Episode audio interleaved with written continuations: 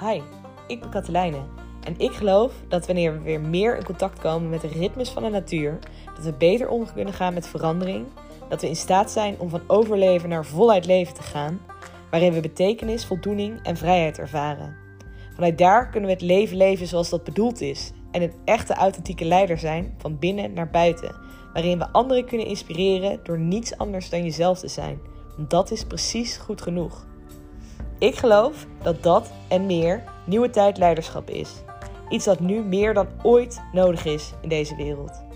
In deze podcast ga ik in gesprek met nieuwe tijdleiders over natuur, leiderschap en verandering en hoe deze met elkaar samenhangen. We praten over hoe je die wijsheid als leider kunt inzetten, zodat je meer impact en meer bewustzijn hebt over wat er gebeurt in je leven en organisatie. Welkom bij de Rhythm Podcast.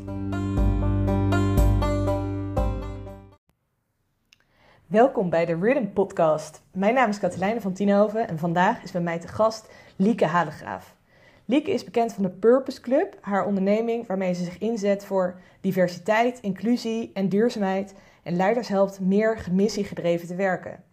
Dat doet ze als coach, trainer en spreker voor verschillende organisaties.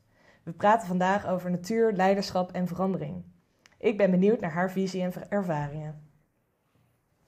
We kennen elkaar onder andere omdat we samen hebben gewerkt voor Salesforce, waar we toen al een klantgerichte functie hadden. Ik voelde toen al een goede klik met je en later bleek ons pad best wat raakvlakken te hebben. We hebben bijvoorbeeld allebei lesgegeven in Responsible Business Leadership aan de Erasmus Universiteit en zijn beide na Salesforce gaan ondernemen. Je hebt ons een aantal jaar geleden ook geholpen met een purpose sessie voor de Cocktail Chiefs en stelde scherpe vragen waarom doen jullie dit nu eigenlijk en aan welk groter geheel draagt dit bij? Dat heeft ons toen zeker geholpen. Lieke, het voelt voor mij ook wel alsof jij een sterke purpose hebt. En wat is jouw persoonlijke missie? Hoe zou je dat omschrijven?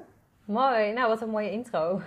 Dank je, leuk. Ik was alweer inderdaad een aantal dingen vergeten. Zoveel raakvlakken die we inderdaad hebben. Heel leuk. Um, ja, het is natuurlijk gelijk een hele grote vraag. Wat is je persoonlijke missie? Best wel, hè? Ja. Um, nou, maar inderdaad, je hebt het eigenlijk al een beetje genoemd. Mijn, mijn, mijn missie, of hoe ik het voel, is vooral om, uh, ja, ik noem het dan purpose-driven leadership, om dat meer in de wereld te brengen. En daarin mijn visie, dus mijn grotere doel, um, is dat ik in 2030 100.000 businessleiders getransformeerd heb tot purpose-driven leaders. Wauw. En hoe ga je dat doen? ja, door, dus eigenlijk ook de dingen die je dus noemt. Dus uh, wat ik nu al doe. Dus door het coachen, spreken, training geven. En um, ja, hopelijk op steeds grotere schaal. Dus dat ik uh, zoveel mogelijk mensen kan inspireren op die manier. Mooi. Ja.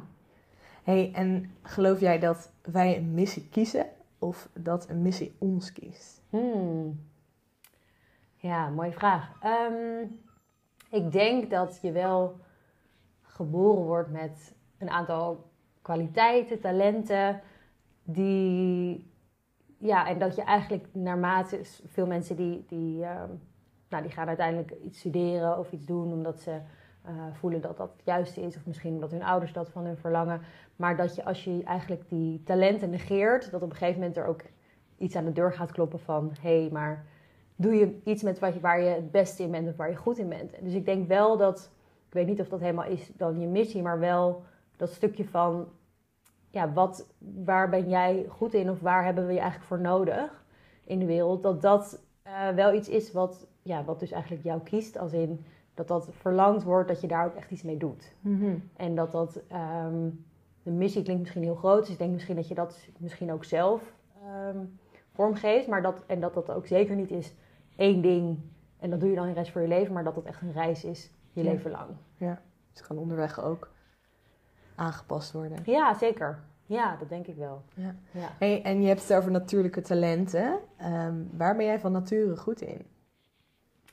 Uh, nou, ik denk als je een paar jaar geleden deze vraag had gesteld, dan vond ik dat denk ik lastig om te zeggen. Omdat je natuurlijk dan ook niet, ja, dan zou ik misschien meer voelen als opschep of zo'n manier. Maar ik heb wel geleerd dat, dat, dat je ook mag omarmen waar je inderdaad goed in bent. Dus ik denk, um, nou ja, waar andere mensen mij vooral altijd uh, zeggen dat ik heel goed in ben, is dat ik wel een heel empathisch persoon ben.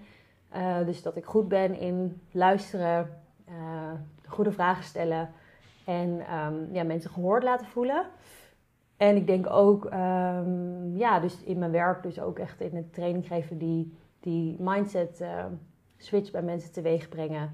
Ehm, en ook wel soms dingen op een eh, meer visionaire manier neerzetten. Dus dat het ehm, van een concept eigenlijk ja, echt een, iets wat, wat ergens zweeft of rondhangt, wat meer concreet maken. Ja. ja. Mooi. Ik kan me voorstellen dat dat ook heel erg helpt in je werk. Ja, zeker. Ja. En hoe dat dan gaat, hè? Ehm, ook herkenbaar trouwens. Maar dat we dan eigenlijk allerlei overtuigingen hebben als we praten over iets waar we zelf goed in zijn. Ja.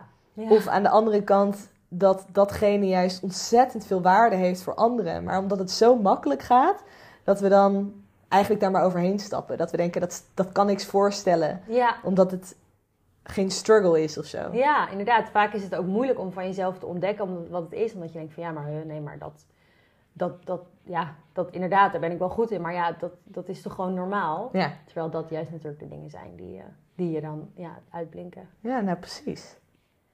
Hey, um, wat zou je doen als je niet bang zou zijn? Ja, wauw.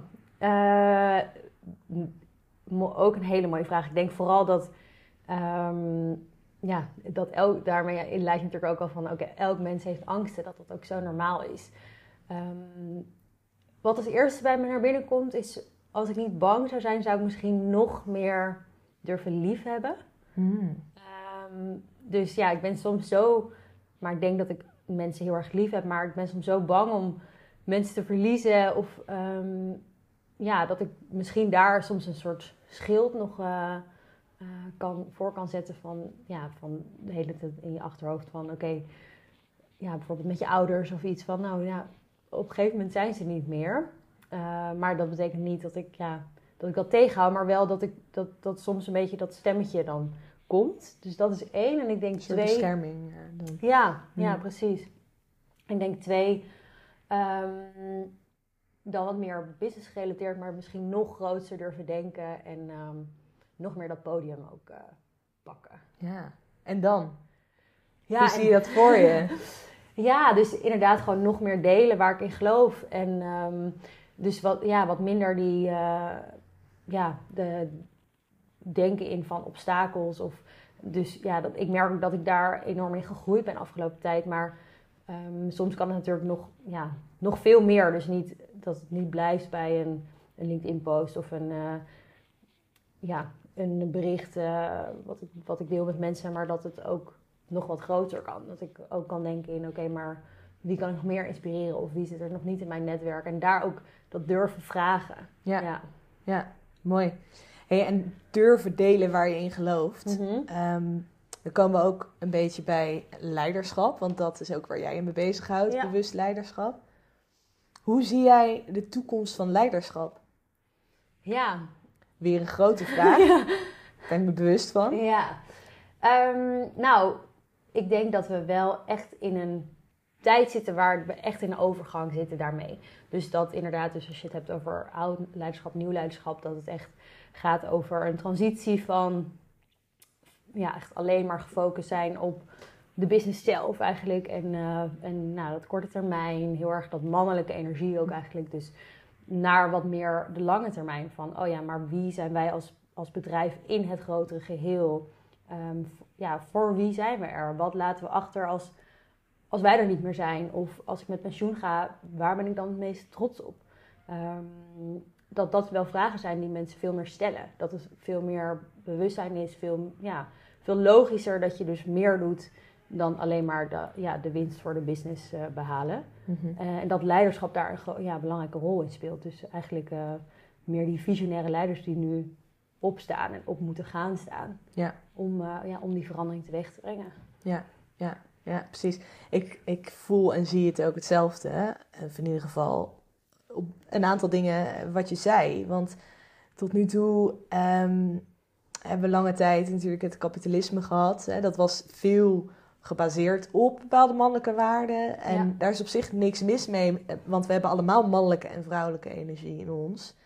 En het ene heb je nodig en het ander ook. En ik zou het zo mooi vinden als het wat meer in balans uh, kan zijn. Dus enerzijds actie ondernemen, daadkracht, um, goed kunnen gaan staan voor hè, onze mening. Ja. Eh, Is bijvoorbeeld die mannelijke energie wat meer, maar ook het vrouwelijke wat meer. Het zorgzame, het verzachten, het verstillen, het verbinden met elkaar.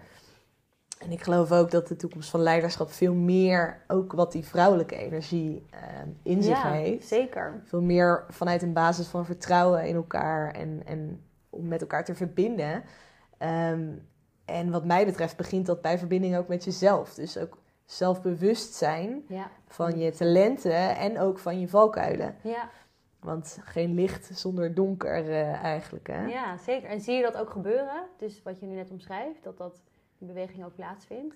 Ik zie dat wel gebeuren, ja. En daar ben ik heel blij mee. Ja. Ja, Ja. nog niet overal. Ehm, maar ik zie, ik geloof ook dat als je je ogen ervoor open hebt ehm, en je bent je bewust van een aantal dingen, dat je dat ook wel meer gaat zien. Ja.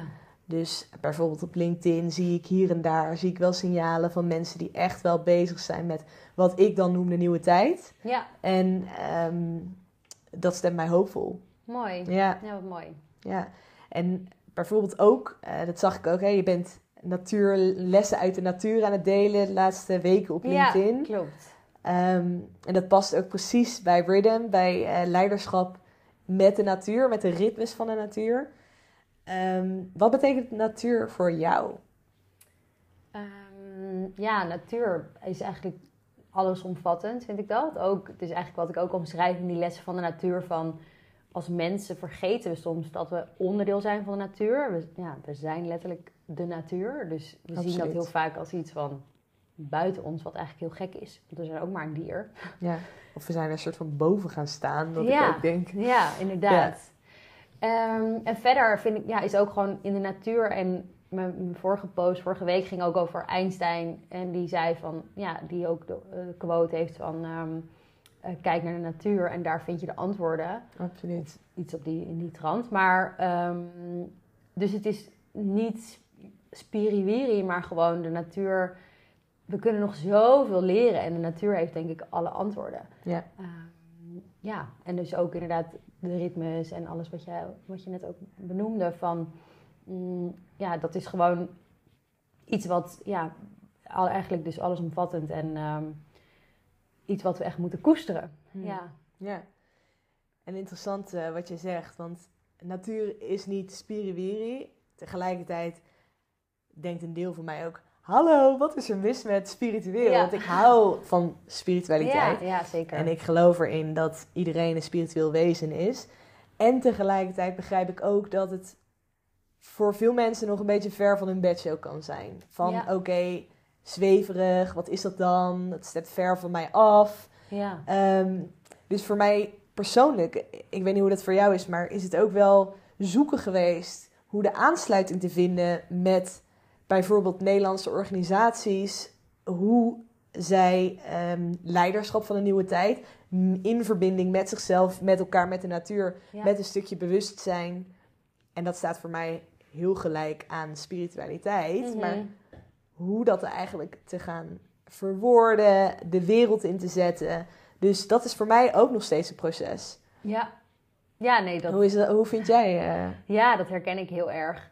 Ehm, en het interessante is dus, ik denk dat, dat daarin het belangrijk is om ja, een beetje elkaar halverwege te ontmoeten. Dus ehm, ik merk ook als, ja, dus dat soms ook een, bijvoorbeeld of als een bedrijf eh, met mij wil samenwerken of iets hier, hierin wil doen, dat soms ook de redenen misschien heel anders zijn. Dus bijvoorbeeld van, nou, als het over duurzaamheid gaat, bijvoorbeeld, we willen een jongere generatie aantrekken of we willen Ehm, dat mensen ehm, dat er minder ziekteverlof is.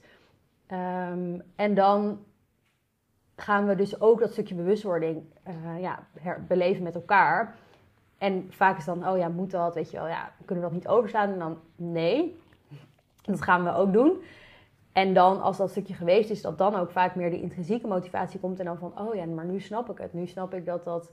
eh, en dat, ja, dat er dan eigenlijk een andere reden is om, om ook met, als organisatie iets goed te willen doen.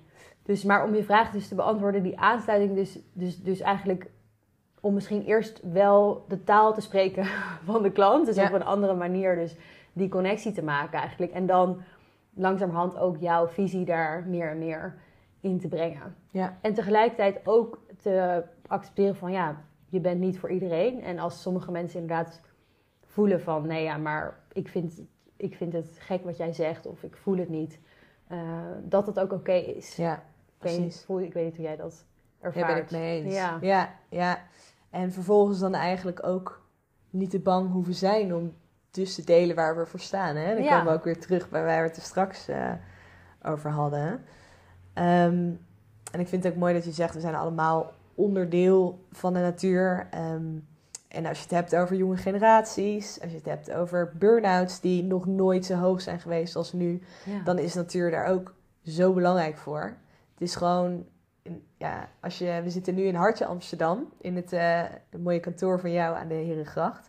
En ehm, als ik hier over straat loop, dan denk ik, er zijn weinig plekken met zoveel prikkels als hier. ja. En tegelijkertijd kun je ook thuis op de bank zitten en gigantisch veel prikkels tot je nemen als je zit te scrollen in je telefoon. ja. Dus ehm, eigenlijk zijn er overal miljoenen prikkels. Veel meer dan 20 jaar geleden. ja. Eh 20 keer zoveel zelfs. Ehm, dus hoe gaan we daarmee om? Ons brein is er letterlijk niet op gemaakt om, Mm. om dat allemaal eh, zo aan te kunnen. ja. Ehm, en, en waarom dan natuur? Omdat we daar echt verstilling kunnen vinden en even uit die snel veranderende wereld kunnen stappen, een beetje kunnen ontprikkelen en ja. wat meer tot onszelf kunnen komen. Ja, zeker. Ja, ja inderdaad. Ja, ja, wat je zegt, je bent natuurlijk expert daarin ook met NLP en hoe dat allemaal, eh, ja, hoe je brein ook werkt. Ehm, maar het is ook echt bewezen dat, eh, dat, je, dat je hartritme ook omlaag gaat als je je omringt met de natuur. Dat het echt, ehm, dat je het overneemt eigenlijk van de natuur. Dus ja, hoe belangrijk dat is. ja, absoluut. Concentratievermogen verbetert en uiteindelijk voor organisaties is het vaak belangrijk hoe zitten mensen in hun vel, hoe productief zijn ze. ja. Ze worden ook uiteindelijk productiever als ze lekker in hun vel zitten. En als er ruimte is om zichzelf te zijn. En eh, ook juist die inspanning kunnen afwisselen met ontspanning. Niet alleen maar gaan, gaan, gaan, maar Mm. ook juist weer even ehm, tot rust en ruimte kunnen Ja. komen. Ja, en daarin, ook als je het hebt over wat je net zag, of, of die overgang van de oude tijd en nieuwe tijd, zie ik ook dat mensen er steeds meer behoefte aan hebben. Dus dat er eigenlijk een soort van eerst niet echt over na werd gedacht van oké, ja, nog meer bouwen, we willen nog vettere kantoren. En dat het nu eigenlijk veel meer is van, oh ja, nou, dat vette kantoor, dat, laat dat maar zitten. Of dat vind ik minder belangrijk, maar ik vind het belangrijker dat ik, nou ja, ook inderdaad tijd heb voor mezelf en, en ruimte heb, maar ook dicht bij de natuur wonen en die Mm. connectie eh, kan maken. Ja. Ja, dat zie ik dan ergens nog wel als een van de voordelen van die coronaperiode. Ja. Dat er minder überhaupt te doen was. Dus mensen waren er wel op aangewezen om met zichzelf aan de slag te gaan. ja, zeker. Te gaan reflecteren, vaker te gaan wandelen. Ja. En ik denk dat veel mensen ook hebben ervaren wat dat voor ze kan opleveren. ja, dat denk ik ook. Ja. Ja. Ehm, ja, rhythm gaat ook over verandering. En ehm, Griekse filosoof Heraclitus die zei vroeger ooit al... ehm, de enige constante is verandering. Mhm. Alles verandert. Continu. Ik Ja. bedoel, als we hier naar buiten kijken, het is herfst.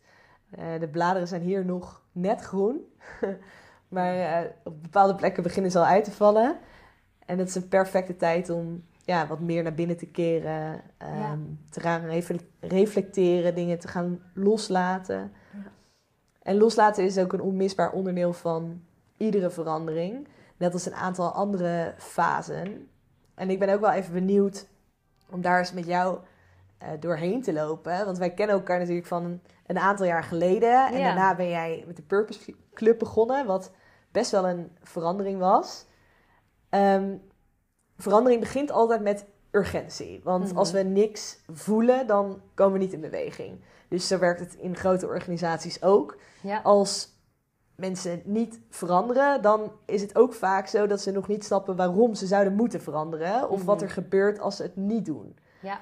Ehm, daarna komt er een fase van, oké, loslaten wordt voelbaar. Dus oké, wat gaan we verliezen?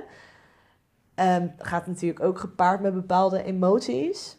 En voor leiders is het dan weer heel belangrijk om daar ook oog voor te hebben, hè? om daar aandacht aan te besteden. Want het is best wel duidelijk dat er dan ook weerstand komt. Mhm.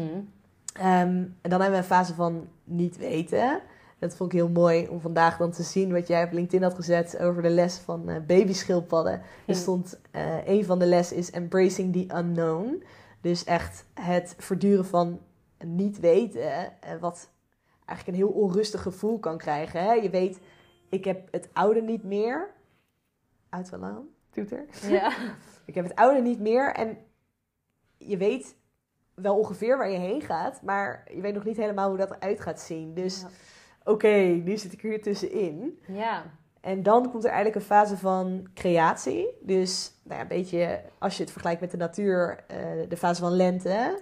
Zaadjes planten, nieuwe ideeën, ook een leer- en experimenteercultuur creëren waarin ook fouten gemaakt mogen worden. En dan kom je naar het nieuwe begin. Dus dat, ehm, nee, de nieuwe werkwijze, de verandering, die wordt echt geïntegreerd. Ja. Ehm, vind je het oké om, om eens over die periode, hè, van die overgang van, van loondienst in zo'n grote organisatie Ja. naar het ondernemen en je eigen passie achterna gaan, om dat eens in deze fase te bekijken? Ja, zeker leuk. Ja, ja. ja want dat heeft allemaal, die fases herken ik allemaal wel. Ja? Ja, en er zat nog wel eh, een stap tussen. Dus ik ben eerst nog naar een eh, impact startup gegaan. Oh ja, ja. Eh, dus daar heb ik ehm, een tijdje gewerkt. En ik merkte ook, omdat die stap ertussen zat, durfde ik ook meer eh, ja, de stap naar ondernemen aan. Ah ja, Ik denk, wat jij hebt gedaan, en volgens mij toch gelijk vanuit eh, cold turkey. ja, Ja, de grote corporate gaan ondernemen. Heel knap, want eh het is toch ook die, ja, ook wel die luxe die het brengt en die veiligheid. En eh, ja, ik denk ook, ik had ook echt gedacht van als ik, stel ik was vijf jaar later of zo, dat, dat ik dan daar nog zou werken bij Salesforce, dan weet ik niet meer of ik die sprong had gewaagd, omdat je dan zo gewend bent aan die eh, comfort eigenlijk. ja. Dus ja, dus dat heeft nog wel geholpen bij mij. Dus Ja. dat die er nog tussen zat. Ja, ik vind het ook mooi, want voor iedereen is dat ook weer anders. Sommige mensen beginnen eerst één dag in de week met ondernemen, anderen doen het in één keer. Ik, eh, ik denk dat het voor mij juist inderdaad was omdat ik dan ruimte zou hebben. Anders zou het ook laag pitje komen te staan en dan zou ik Mm. misschien mijn focus alsnog uitgaan naar de baan. Ja, Ehm, en dan zou het niet echt van de grond komen. Dus vandaar eh, dat ik dat zo heb gedaan. Maar kun je mij eens misschien eh, vertellen over de urgentie waarom je toen bent begonnen met ondernemen en wat je toen hebt los moeten laten misschien? Ja, zeker. Ehm, nou, hoe het ging is dus mijn na Salesforce ben ik dus bij Wakuli gaan werken. Dus dat is een eh, impact startup in koffie. Daar toen, dat was tijdens de coronaperiode, de, eh, mijn eh, baan was om de B2B-tak op te bouwen. Dus ik was verantwoordelijk voor eh, ja, de, dus het naar bedrijven toe koffie verkopen. En onze targetmarkt was kantoren. Mhm. Doordat corona was, waren alle kantoren dicht. Dus verloor ik mijn baan daar. Dus ehm, omdat ze zeiden van ja, we gaan er niet meer op focussen. Dus daar was de urgentie Ah ja. voor oké, ik ga iets anders doen. Mijn eerste reactie, toen ben ik naar Mexico gegaan voor vier maanden. Lekker. Ja. En mijn eerste reactie ehm, was van oké, nou ik ga weer terug naar de tech-wereld. Want eh, ja, ik weet dat het daar leuk is. Ik weet dat eh, ik daar een goede baan kan krijgen. Dat is Ehm, ook het stukje veiligheid. Hè? Dat heb je altijd. Het, er is een bepaalde eh, neiging die ons terugtrekt naar het oude, naar de Ja. status quo. Ja, En daar heb je ook doorheen te gaan. ja zeker. Bepaalde wilskracht. Ja. Ja, nee, inderdaad. En, en ook, ja, dus, en natuurlijk, je, ja, je weet van je hebt al een mooi, mooi bedrijf op je cv, dus het is gewoon verleidelijk. En ik dacht, ja, ik wil ook wel een keer een hypotheek en eh, allemaal die stappen kunnen Tuurlijk. nemen. Dat is ook belangrijk. Maar toen, ja, toen zat ik dus in Mexico die sollicitatiegesprekken te voeren met nou ja, bedrijven zoals LinkedIn en Google, hartstikke mooie bedrijven. Maar toen was ik vragen aan het beantwoorden van, eh, ja, oké, en eh, als we dan een klant hebben en die is boos, want de software doet het niet, wat doe je dan? Nou, en toen, ik weet gewoon nog letterlijk dat ik dan naar buiten keek en ik dacht, oké, ik zit hier in een soort paradijs, ook in de natuur. Ik ben nu dit sollicitatiegesprek aan het voeren en ik voel gewoon zo'n weerstand om weer terug te gaan daar naartoe. En eigenlijk met iets bezig te zijn wat me niet, e- geen energie geeft, wat me niet die voldoening geeft en waar, ja, waar ik niet helemaal achter sta. Dus nou, toen heb ik dus besloten van, nou, dan, ja, dan, ga ik het, dan ga ik voor mezelf beginnen. Dus, dat, ehm, dus het was ook nog wel een proces. Misschien nog leuk om erbij te stellen. Ik heb het later pas echt zo gezien. Maar ik ben toen ook nog gebeten door een schorpioen in Mexico. Ja. En ik heb later... Doet het ook- pijn? Deed, ja, deed Oh. pijn. ja. Maar dat dat ook... En ik, ik had heel veel tegenslagen, zeg maar, lichamelijk. Ik was ook... eh, ja, ik had allerlei dingetjes. Alleen, ik was zo gelukkig, ondanks dat. Dus ik, gewoon omdat ik zo'n moment daar leefde en zo blij was. Maar toen, later heb ik nog opgezocht van... Waar staat het voor? En een schorpioen staat letterlijk voor transformatie. En voor, ehm, ja, dus dat, dat het ook, het was echt een soort periode waar ik ook doorheen moest. Ook weer door, als je kijkt naar de natuur, dus wel door een soort tegenslagen of weer eh, naar binnen. Of ja, elke keer weer dealen met, ehm, ja, met, met lastige dingen, momenten. En dan uiteindelijk is het dan toch voor een goed doel of iets dat je dan daarna er weer sterker uitkomt. Of, Ja. Ik vind het echt mooi dat je dat zegt ook, want soms zie je dat soort dingen pas achteraf. Van, oh Ja. wacht even, dit Ja. is gebeurd en oh ja, eigenlijk sliep ik ook die periode wel heel slecht. En oh ja, ik heb, ik heb bijvoorbeeld zelf ook nog een, een keer een soort hernia gehad, waar Mm. mijn rechtervoet ineens een soort van ging klappen. oh jeetje. En dat is na een paar maanden en manueel therapeut is dat verbeterd. Maar nu ik dan zo terug ga kijken, dan denk ik, oh ja, dat was eigenlijk ook al een signaal van mijn lijf. Mm. En ons lichaam is natuurlijk ook onderdeel van de natuur. Ja. En daarbuiten hebben dat geeft ons signalen. ja. Ehm, en, en van buiten kunnen we signalen krijgen. Dus bijvoorbeeld een schorpioen. Ik, ik ben ook echt iemand die op kan zoeken van... oh, wat betekent eh, als ik dit dier zie. En Mhm. ja, ik vind dat... eh, ik hou er wel van. Ik vind Ja. het mooi. Het geeft weer echt weer nieuwe inzichten. Ja, Ja. Nee, helemaal wat je zegt. En ik denk inderdaad dat, dat ons lichaam zoveel tekenen geeft, maar dat we ook zo soms eh, niet meer weten hoe we daar naar kunnen luisteren. Nee. Dus dat is ook natuurlijk wat de, ja, de natuur je brengt. Ook vaak op vakantie, dat je dan weer even voelt van, oh ja, hoe voel ik me eigenlijk? Ja. Of eh, gewoon weer even kan inchecken. Ja, we zijn er gewoon redelijk van verwijderd geraakt. Hè? Of de verbinding is er niet, niet meer zo zoals die er ooit was. Ja. Of zoals die er hoort te zijn. Ja, zeker. Ehm, en, en daarbij draagt natuurlijk niet bij dat we hier in het Westen, zoals ik het zie, redelijk worden opgevoed. En eh, ons onderwijs ook gericht is op ontwikkelen van het ratio. Ja, klopt. Op, op het, het creëren van, van een hele maatschappij aan wandelende hoofden, eigenlijk. Mhm. Ja, Weet je? ja, ja. Terwijl zoveel informatie in je lijf zit en onderzoeken aantonen dat er je hart ehm, eerder signalen heeft dan je hoofd. En dat gaat van daar naar daar in plaats van andersom. Ja, ja, bijzonder hè? Ja, Schijnbaar ook met eh, depressies, dat dat als eerst eigenlijk, eh, dat je dat als eerst kan zien in je darmen, ja. bijvoorbeeld. Ja, dat Ja, is zo En bijzonder. dat is je buikbrein. We hebben Ja. niet maar één brein zoals heel veel mensen denken. We hebben er veel meer. Ja. En dat is ook, daar zou je ook een hele sessie over kunnen opnemen. En hoe heb je toen dat, dat hè, die embracing the unknown, dus Ja. dat deel van niet weten, ehm, ja. hoe heb je dat doorgemaakt? Nou, ik denk dat dat nog wel, dat is ook een, een constante uitdaging die ik nog steeds voel en ervaar. Ehm, dus ja, ehm, ja, we hadden het er al e- even over hiervoor ook van, dat je, wat jij ook zei van ja, in het ondernemen, wat eigenlijk zo belangrijk is, dat vertrouwen.